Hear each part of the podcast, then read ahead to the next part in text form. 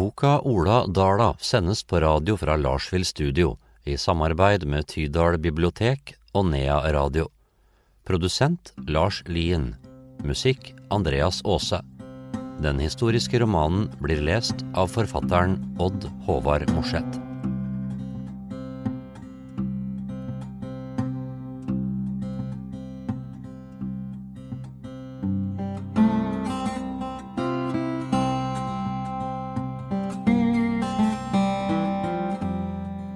Kapittel 1 Røros 1862 Kobber er en etterspurt vare.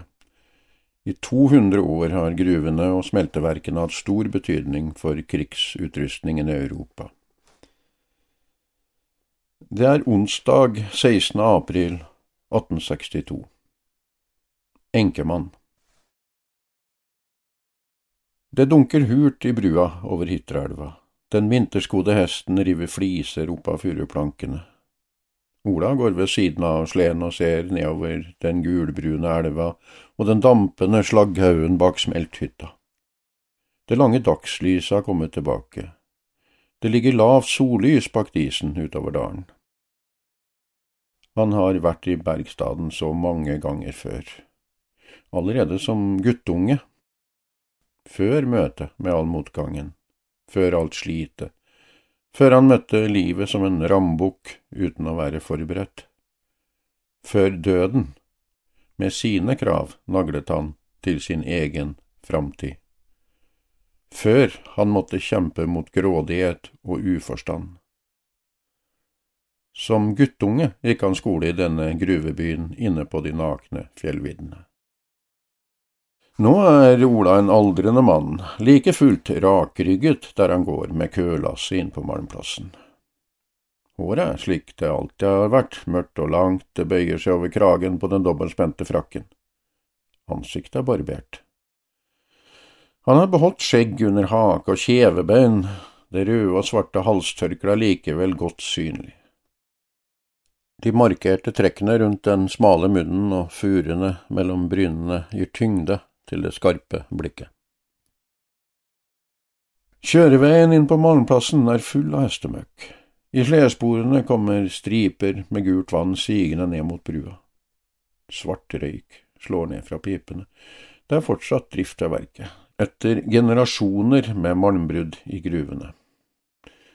Det er tydelig at det går mot slutten på køl- og vedleveransen for vinteren, men malmkjørerne holder fortsatt stand. Føret har nok tatt slutt nedover Østerdalen. Kanskje har isen begynt å gå på Glomma? Borte på lagertomta fikk Ola beskjed om å kjøre over til Malmplassen. Han kjører hesten direkte opp på tippmuren. Kølet skal brukes i smeltehytta. Det er store røstinger ute på plassen. Det damper av malmen, og gløder av veden. Knektene raker og skyver på malmen som skal klargjøres for ovnene inne i hytta.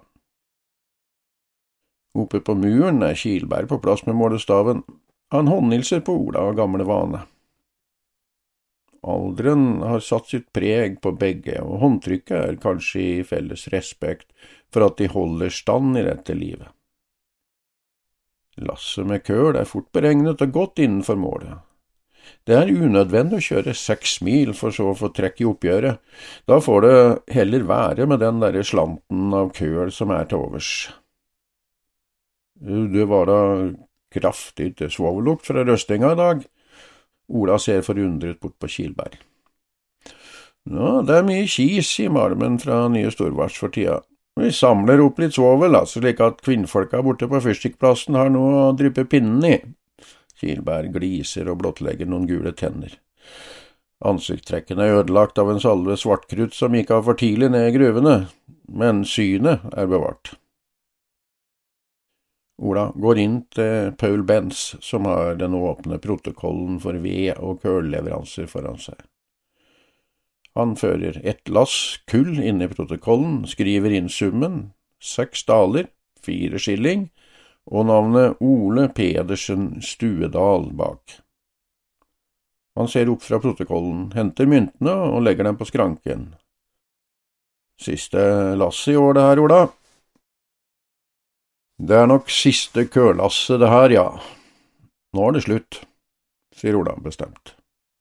Paul retter seg opp og ser inn i det magre ansiktet til Ola. Mener du det her er siste vendingen du gjør med køl? Er det slutt på skogen i Stugedalen nå? Mm, det står noen furukragger igjen ute på myrer og i bekkedaler. Lite å få ut av slik når frakta er så dårlig betalt. En bjørka, da? Vi trenger mer bjørkved, og mange har fått sving på brenning av bjørkekøl. Ola henter opp krokpipa fra frakkelomma og slår den mot skohælen. Den er like tom som tobakkspungen han har i vestelomma. Paul forstår språket og karver en bit av kvartrullen sin. Tobakksløse er de fleste som kommer inn med lass fra de fjerne bygdene. Det kan bli noen vedlass på godt vinterføre i åra som kommer. Ola snakker stakkato mellom dragene mens han tenner pipa. Trekket i ansiktet mildner idet han slipper en munnfull røyk opp mot takbjelkene. Kølbrenning er det slutt på. Det er for dårlig betalt, gjentar Ola. Kilberg står i døra og nikker sakte. Han sender et uh, blikk innover gangen mot den stengte døra til hyttskriveren. Det er nok flere enn deg som klager på frakteprisene, mumler han og rusler ut på tippmuren igjen. Ute på trappa samler Ola hestetømmene, spisser munnen og smatter på den ravnsvarte hesten. Med pipa vippende i munnen svinger han hesten opp Spellola-veita for å stalle opp i Eriksgården. Med vårsola og varmen følger den søte lukta av hestemøkk som kommer sigende gjennom gater og smug. Snart vil også dyngene med kumøkk utenfor bakgårdene våkne til liv, og de første fluene klatrer opp på tømmerveggene. Kirkebygget ruver over de lave hustakene foran dem. Bergstadens sier, bygget til Guds ære og Bergstadens pryd. Den store, hvitkalkede kirken preger både byen og omgivelsene. Tårnet med verkets monogram er synlig på lange avstander. Tårntaket er kobberkledd under det smale, høyreiste spiret, helt annerledes enn de laftede trekirkene som er vanlig her omkring. Ola er godt kjent med hele kirkebygget. Som ung gutt hadde han ofte stått oppe under klokken i spir og sett utover det vidstrakte landskapet. Han hadde prøvd å lære seg navn på fjell og sjøer, gårder og grender. Det var spennende å følge kjørespor og veier som snodde seg fram utover det bølgete landskapet. Det gikk veier i alle himmelretninger veier han hadde fantasert om, veier som skulle føre ham videre i livet, mot ny kunnskap og nye opplevelser. Samtidig hadde han også kjent på ensomheten og lengtet hjem, hadde savnet søsken og foreldre. Det var i de daglige gjøremålene hjemme på gården han hadde tryggheten.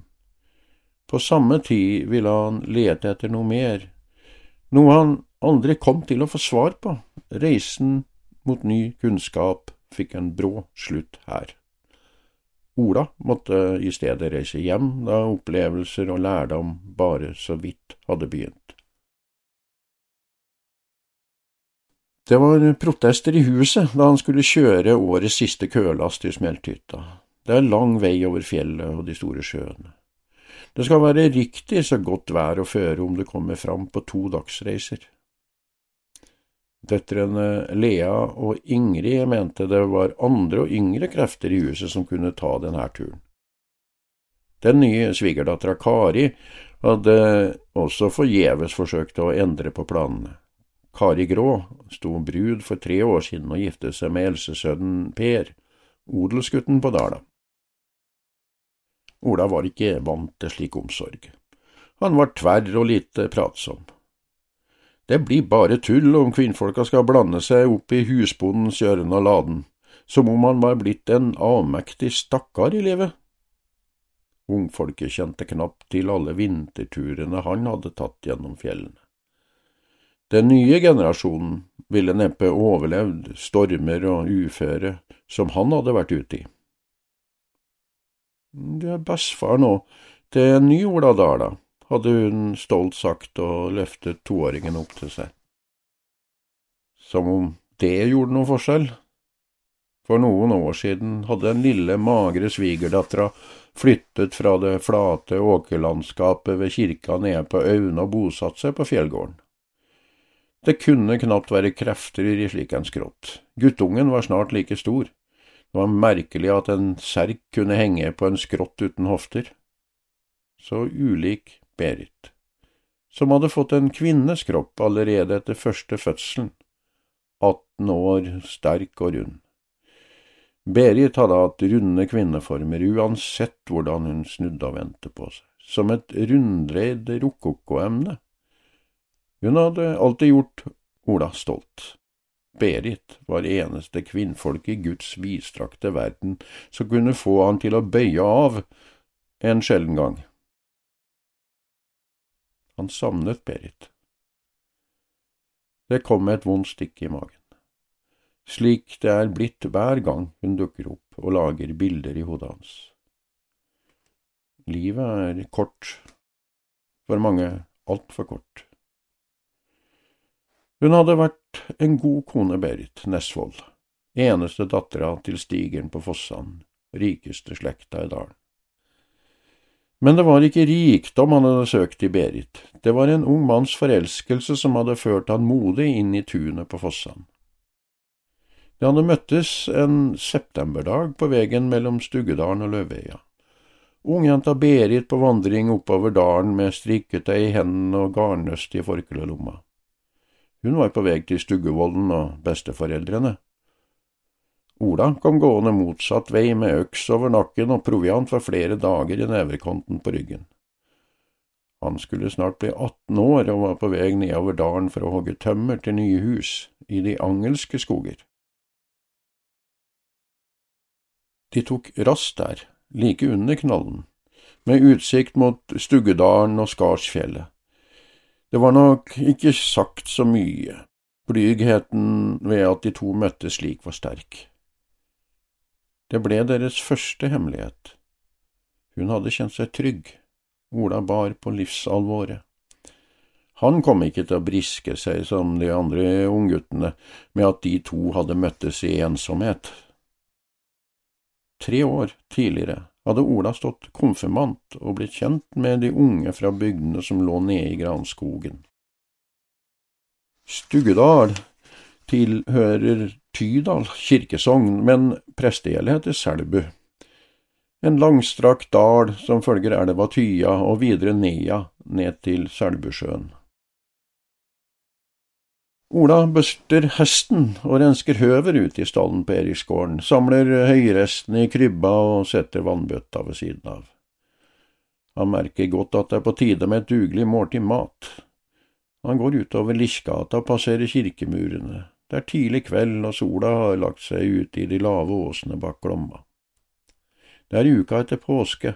Snart er det slutt på både skiføre og sledeføre, men frostnettene vil fortsatt være mange. Han går nedover mot vertshuset der lasskjøreren og malmkjørerne bruker å møtes.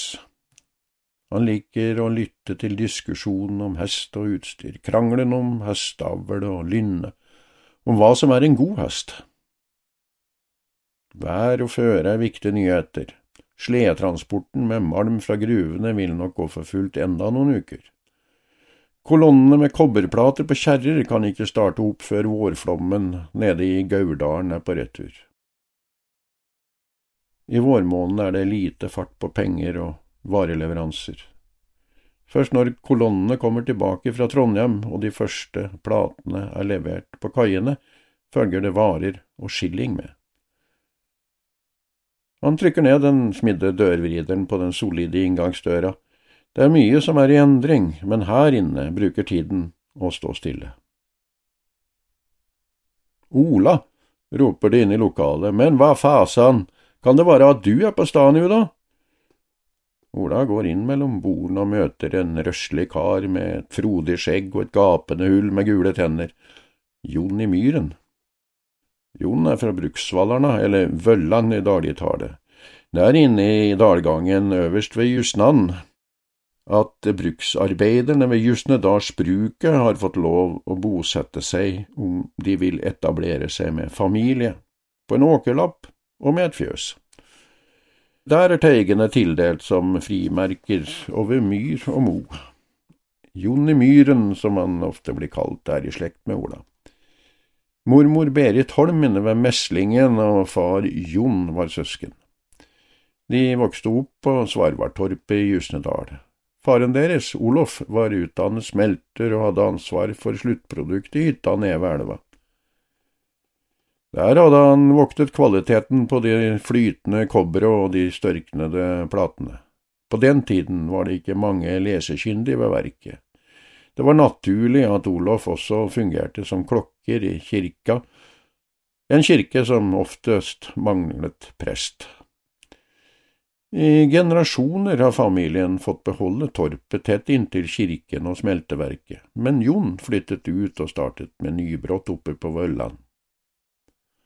Kraftkaren og jegeren Jon hadde spadd opp kanaler og dyrket jord stadig lenger og etter hvert enda litt lenger enn det frimerket han var tildelt skulle tilsi. Det ble gjort flere anmerkninger fra bruksherren om at han hadde tatt seg til rette i kongens mark. Jon kunne ikke forstå hva kongen skulle med de magre myrragene. Om det felas mylte på kongens bord, skal jeg sjøl plukke dem åt han, hadde Jon sagt til fogden som kom for en alvorsprat. Det har gått en halv mannsalder. Jon bor fortsatt ute på Myrlandet. Han har et livskraftig bruk inne der dalen smalner av mot Ramundberget. Kongen har aldri spurt etter moltebær. Det er slutt på kobbermalmen i skjerpene ved meslingen. Nå bryter bruket jernmalm inne ved Ramundberget, og Jon kjører jernmalm. En av Jon sine nære venner fra Bruksvallarna, Olle Nordberg, sitter ved samme bord. Olle har etter gammel familietradisjon skystasjon og hestebytte for folk som skal ferdes over fjellet. Han er en dyktig hestekar, som har tatt på seg alt av transporter, med smør og ost, fisk og kjøtt, ned til Funnesdalen, og returnerer med sukker og salt, mjøl og kaffe. Befolkningen rundt det gamle kobberverket i Jusnedal er ofte knapt forsynt med matvarer. Der er det få som har tilgang til et åkerland og krøtterhold. Hesthandler og hesteavler, transportør og forretningsmann. Alt som blir spurt av tjenester, har Olle bare ett svar til. Da ler han og slår ut med armene og svarer ordnat. Mest av alt har han nå sin faste rute med varer fra Jusnedalsbruket til Røros, med stangjern, spiker, stål, sigder og ljåer. Bruket er fortsatt kjent for sine gode smeder. På hjemmeveg har han som regel med seg tønnelast med flesk, sild, salt og korn. De gjør plass til Ola ved bordet og setter seg igjen, den skjeggete Jon og den tynne, lange, blåøyde Olle med den lyse, pistrete hestehalen over jakkekragen. Ola henger av seg frakken, knytter opp halsduken og knepper opp jakka. Det er tid for mat og drikke. Jon skyver tobakkspungen over bordet mot Ola. Møtet med gamle venner kommer som en overraskelse, noe som setter ham i god stemning. Like fullt må han besvare spørsmål om hvordan det går å være enkemann. Jo da, han har vært enkemann i to år nå, sovet for seg sjøl i senga ute i kammers. Det gjør vondt at Berit aldri fikk oppleve barnebarnet Ola komme til verden. Hun fikk aldri se at vogga igjen var i bruk den hun sjøl hadde lagt elleve nyfødte barn i. Han vet at det ville ha vært så mye lettere for henne å stelle med et barnebarn. Hun var blitt sliten etter de siste fødslene. Det er så uendelig trist at barnebarna ikke skal få oppleve hennes klare sangstemme, og alle de rare sangene hun kunne dikte til hvert et barn. Ola klarte aldri å erstatte hennes livsglede og humør. Han har aldri fulgt barna i deres leik og leven. Nei, det er ikke mye Ola vil svare på slikt, det er ikke noe han setter seg ned og prater om.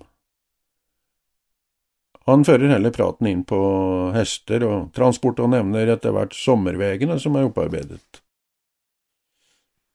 Ja, det er andre tider med transport nå når vi har fått kjøreveg til Malmhagen og over riksgrensen ved Brekken.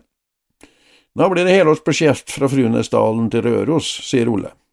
Just presis, etter hvert blir det færre fòrbønder i slede over kjølen vinterstid, stemmer Jonny og tar en dugelig sup av ølkruset.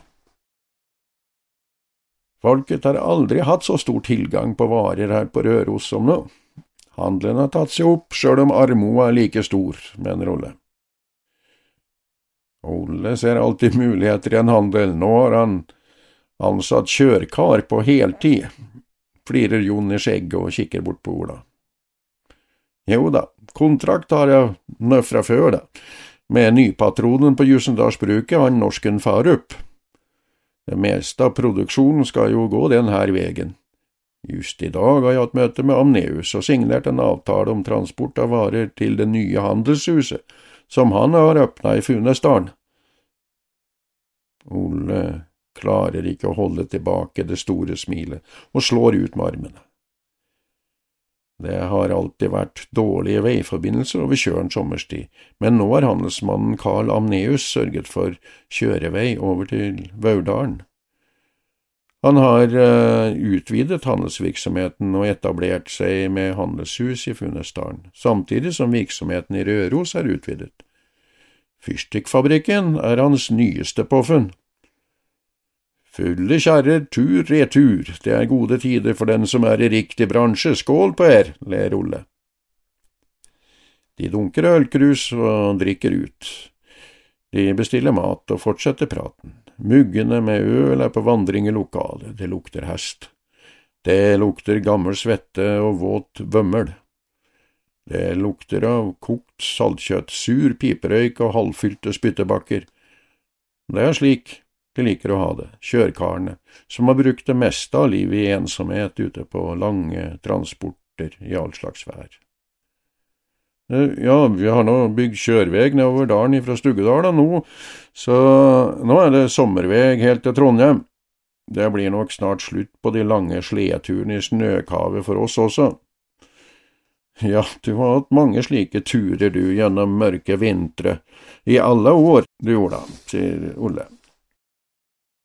Jon ser over på Ola som blir sittende med et litt fjernt blikk, men han ser opp igjen øh, og fortsetter. Det er ikke lange biten som står igjen over Langsvola og ned Ridalen, så kan jeg kanskje komme kjørende med hest og vogn opp på Bruksvallarna en sommerdag. Ola lener seg over bordet og ser med et smil på de to gamle vennene. Slike møter gjør godt. Noe av det beste med å være på reise er å få høre historiene til folk og nyhetene fra andre trakter.